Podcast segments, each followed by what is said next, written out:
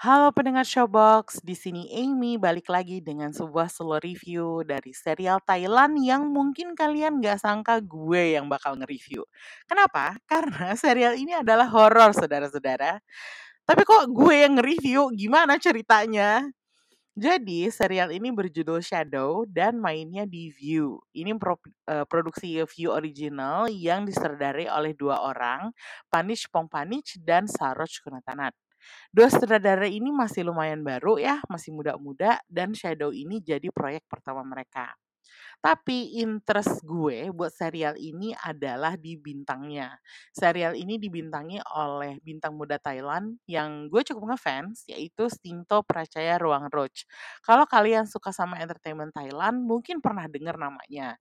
Dia tadinya adalah salah satu aktor yang tergabung di entertainment company dan agency JMM TV, tapi terus dia keluar dari manajemennya dan jadi artis independen sekarang.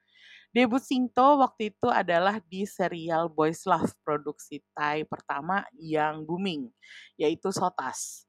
Pasangannya waktu itu adalah Chris Perawat dan kemudian mereka dikenal sebagai Chris Sinto.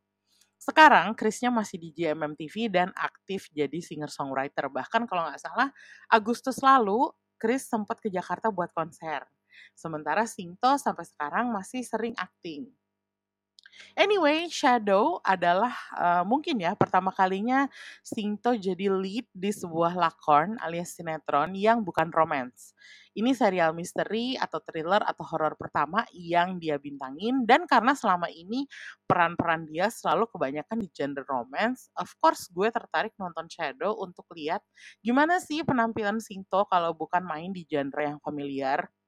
Apalagi terus gue mengetahui bahwa salah satu lawan mainnya di Shadow ini adalah tidak lain dan tidak bukan Greg Utsada Panichkul alias VJ Art yang dulu menghiasi layar kaca kita di MTV. Gue udah lama nggak ngelihat Art, eh nggak taunya Art main di sini dan jadi pendeta. Kayak wow, kok pendetanya syak banget. Serial ini juga dibintangi sejumlah nama lainnya, selain ada Singto sebagai karakter utama Dan, dan Greg Utsada sebagai brother Anurak, ada juga Fuk Natash uh, Siripongton sebagai Nai, Fiat Pacata Janggon sebagai Trin, Pun Mitpakdi sebagai Joss, ada rapper musisi Lazy Loxy sebagai villain yang namanya Anan, dan ada juga aktris muda Yaimai Shiranadi sebagai love interest beberapa orang Chaim. Ceritanya sendiri bersetting di akhir tahun 90-an. Kita mulai dengan kedatangannya Dan ke sekolah asrama St. Lawrence pada tahun 99. Nantinya serial ini bakal juga flashback ke tahun-tahun silam, tahun 98, terus tahun 80-an juga. Dan di awal cerita kita udah dikasih tahu bahwa Dan itu sebatang kara ayahnya sakit kanker dan lagi koma, sementara ibunya udah meninggal. Dan keluarganya ini rada broken home karena ayahnya abusive dan ibunya sempat mengalami gangguan jiwa. Dan datang ke St. Lawrence atas rekomendasi pendeta bernama Brother Anurak yang juga selain uh, pendeta, uh, dia adalah psikolog dan kepala sekolahnya St. Lawrence ternyata Dan tuh punya masalah gangguan tidur berupa sleep paralysis karena dia sering mimpi buruk tentang shadow atau bayang-bayang yang kesannya menghantui dia. Jadi si brother Anurak ini lagi nerapi si Dan supaya bisa tenang. Tapi ternyata susah banget ya untuk bikin dia sembuh dari sleep paralysisnya karena emang bukan purely masalah psikologis dan memang ada semacam makhluk berbentuk shadow yang menghantui Dan. Nah, konflik tuh dimulai dengan waktu Dan datang ke kelasnya untuk pertama kali dan gak sengaja nih anak baru duduk di bangku yang tadinya punya uh, seorang siswa lain yang menghilang secara misterius yaitu cowok bernama Trin. Uh, Trin ini uh, merupakan public enemy number one, bisa dianggap gitu. Karena uh, di kalangan sekolahan Saint Lawrence ini dia digosipin punya affair sama guru klub dramanya, Master Joe. Jadi ruwet banget kan kasusnya kasusnya Trin itu karena banyak gosip yang bertebaran um, tentang dia dan affairnya sama si guru ini. Dan karena jasadnya Trin juga belum ketemu, kasusnya belum ditutup entah kenapa duduknya Dan di bangkunya yang tadinya punyanya Trin ini tuh jadi bahan omongan dan bahkan si Dan itu agak dibully untuk hal ini. Meskipun gue nggak ngerti sih kenapa murid-murid lain harus ngebully anak baru yang nggak tahu apa-apa. Si Dan ini sikapnya cuek, jadi makin bikin bulisnya penasaran. Dari awal udah digambarin bahwa Dan itu karakter yang nggak takut apa pun, berani gitu kalau karakternya kayak gini Singto udah sering main ya. Um, tapi semakin ceritanya berlanjut, sikap Dan ini kok jadi malah bikin dia kelihatan reckless gitu dan agak-agak membahayakan diri sendiri gitu. Nah, untungnya Dan tuh masih dapat temen. Ada teman sekelas dia yang dari awal tuh udah ramah, yaitu seorang cowok berwajah manis bernama Nai. Nai ini juga menjadi korban bullying yang ngebully dia adalah kakak kelas mereka, Anan, yang homofobik banget karena dua-duanya sama-sama dibully, terus mereka sering ngobrol soal Trin, akhirnya mereka jadi penasaran sendiri dan malah nyelidikin misteri hilangnya Trin. Dan Dan tuh sempat mikir, apakah mungkin Shadow yang ngikutin dia itu ada kaitannya sama Trin? Nah, di sini Dan dibantu sama Nai, karena Nai bisa melihat hantu. Bukan kayak Den yang diikutin sama Shadow Misterius, tapi Nai beneran bisa lihat arwah orang meninggal yang menghantui seseorang atau suatu tempat. Makanya si Nai ini concern banget terhadap Dan dan akhirnya ngebantuin dia dan mereka jadi deket. Uh, meskipun lama-lama yang bantuin Dan itu nambah ada teman sekamarnya Dan namanya Joss dan ada Caem cewek sekolah sebelah uh, Saint Mary yang ikut di klub drama juga.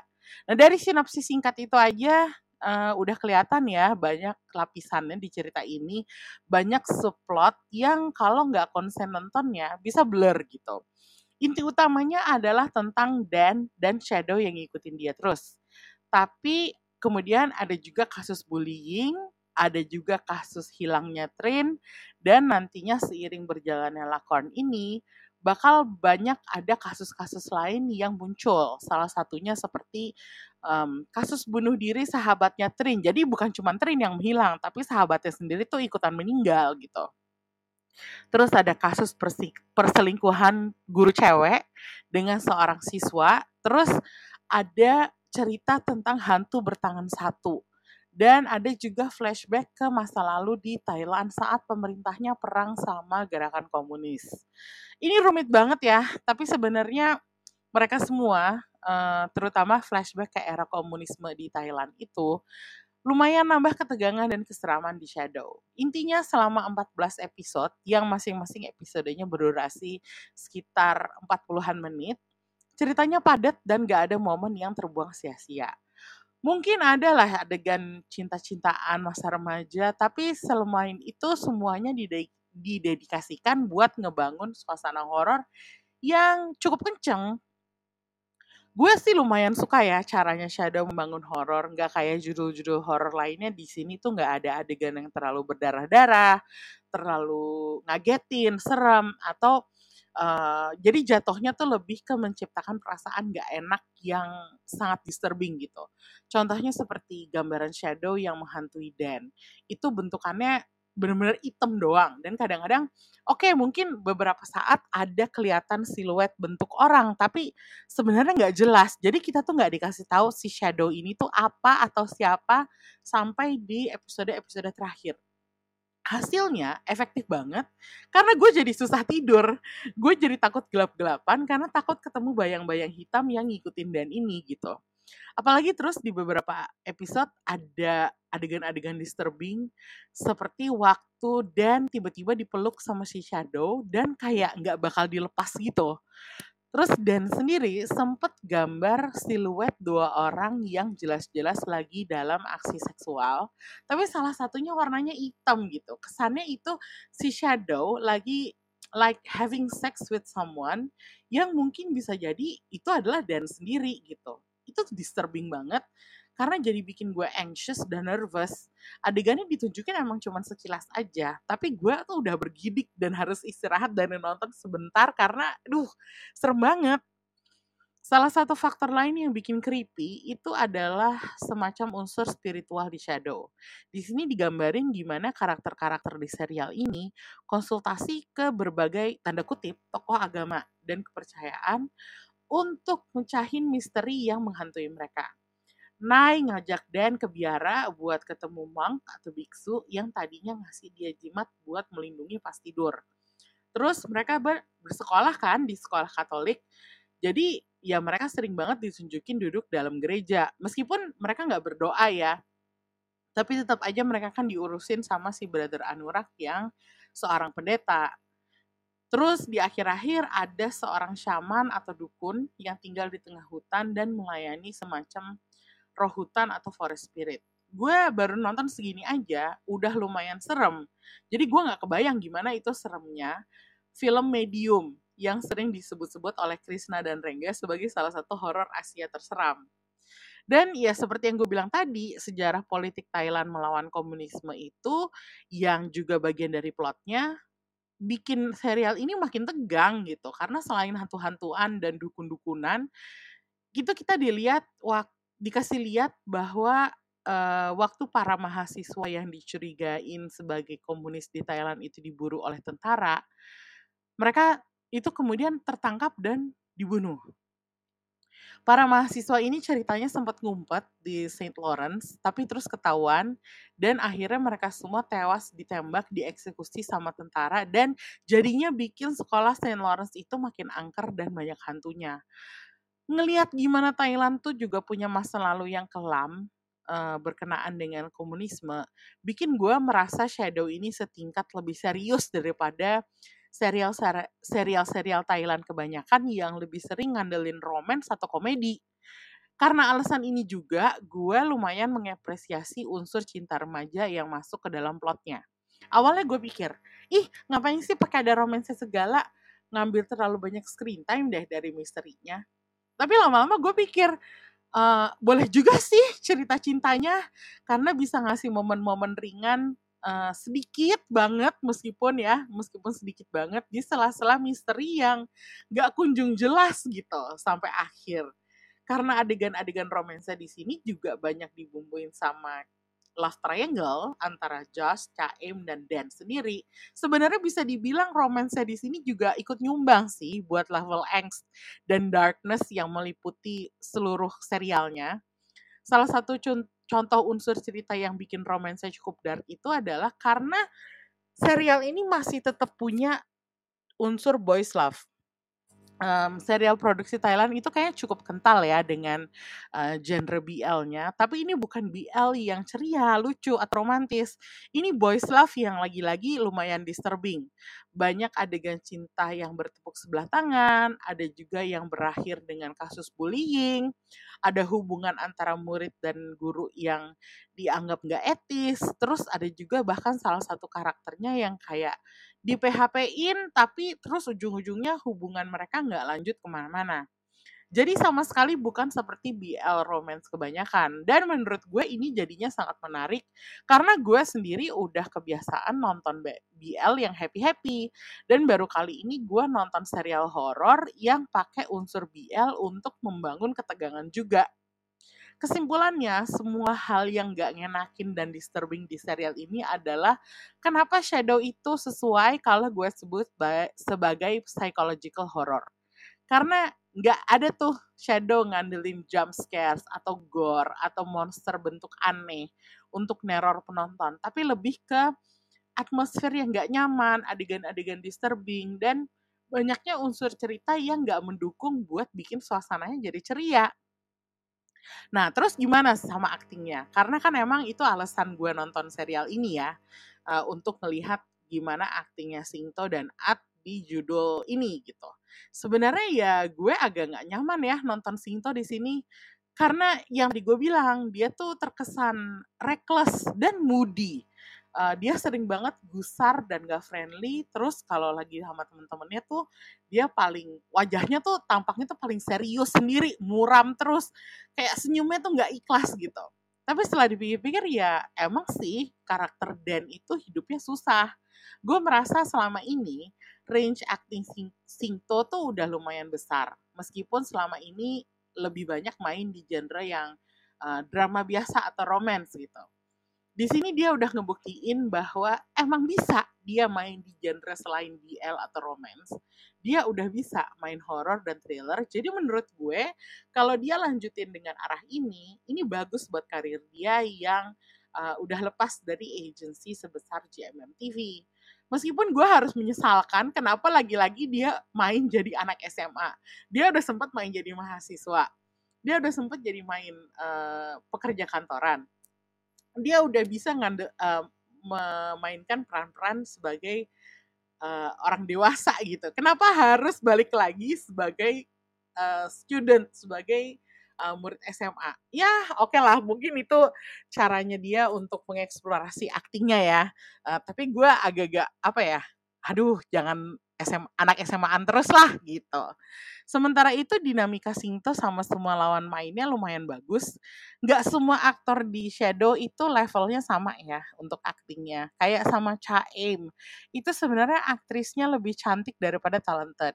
Kadang Chaim tuh kelihatan masih agak fake gitu emosinya. Kelihatan acting, jadi bukan benar-benar jadi karakternya. Tapi untungnya dia di sini main sama Singto yang bisa ngangkat uh, aktingnya si aktris Chaim ini untuk bisa jadi lebih bagus. Kalau sama si Nai itu mendingan. Aktornya Nai, Fluk Natach, lebih imbang sama Singto karena Nainya sendiri harus nunjukin emosi-emosi emosi-emosi yang beda gitu kayak serius, konyol, takut, yearning, worried, determined dan semua itu sukses dia tunjukin meskipun aktingnya nggak super menonjol kalau At sendiri, gue udah lama banget nggak nonton dia acting. Uh, tapi oke, okay, dulu gue merasa aktingnya biasa aja karena menurut gue dia lebih cakep daripada series berakting ya. Tapi di sini mungkin karena mainnya bareng sama aktor-aktor yang lebih muda, At kelihatan jauh lebih berpengalaman. Uh, udah sesuai umurnya lah. Dan penampilan At kali ini menarik banget sebagai pendeta Brother Anurak karena menurut gue karakter Brother Anurak ini lumayan misterius dan At berhasil mempertahankan misteri itu sampai di akhir. Awalnya dia kelihatan bijak, baik, penuh simpati dengan ekspresi kalem dan tenang, tapi lama-lama gue dibikin curiga. Jangan-jangan dia nyimpen masa lalu yang dark. Ada beberapa adegan Brother Anurak dan Trin di flashback yang sempat bikin gue mikir, wah jangan-jangan berat anak nih filmnya. Salut sih gue sama At untuk bisa ngejaga ekspresinya demi menyimpan grand reveal buat karakternya sampai di titik akhir banget. Tapi kalau kita ngomongin ending, endingnya Shadow itu super disturbing nggak ketebak. Jadi misterinya bagus dan sukses ya karena uh, ceritanya tuh naik terus-terusan dan tensionnya nggak pernah turun. Uh, jadi pas masuk episode belasan, gue langsung udah masuk mode binge watching gitu. Uh, satu persatu benang di plotnya dilurusin dan kasus-kasus yang jadi subplotnya udah kejawab di sepanjang serial. Tapi buat gue endingnya tetap nggak ketebak, nggak terduga gitu. Kayak apa ya, yang terjadi di endingnya itu bikin gue merasa kayak ditampar gitu, sakit banget. Gue nggak bakal bilang endingnya itu apa, kalian yang pengen tahu harus cari tahu jawabannya sendiri dengan nonton serialnya di View, tapi gue jamin ini ending horror sejati. Dalam arti endingnya bukan happy tapi tragis dan sedih. Kayak wah gila, ini sih kasihan banget ya karakter Dan Danai dan Brother Anurak. Kalau gue boleh rekomendasi abis nonton Shadow, mendingan kalian nonton sesuatu yang less dark dan disturbing supaya nggak kepikiran terus gitu. Tapi setidaknya endingnya konklusif. Meskipun nggak nggak happy ending tapi semua pertanyaan tuh kejawab gitu. Dan bahkan ada after credits scene yang cukup bikin gue makin disturb lagi. Kayak waduh sialan banget ya ACS nambah derita orang aja tapi ini berarti serialnya sukses nakut-nakutin gue dengan horor yang efektif. Build up-nya bagus karena pelan-pelan dibangun dari awal dan gak ada adegan atau episode yang terbuang sia-sia. Pace-nya juga lumayan, gak terlalu buru-buru, dan nggak lambat juga gitu. Mungkin komplain gue adalah waktu itu gue harus nunggu satu bulan lebih untuk menyelesaikan serial ini karena cara rilisnya agak aneh. Shadow itu dirilis sebagai part 1 dan part 2. Part 1 7 episode dirilis 31 Oktober. Sementara 7 episode berikutnya di part 2 baru dirilis 6 Desember kemarin. Jadi kita tuh sempat digantung di tengah-tengah.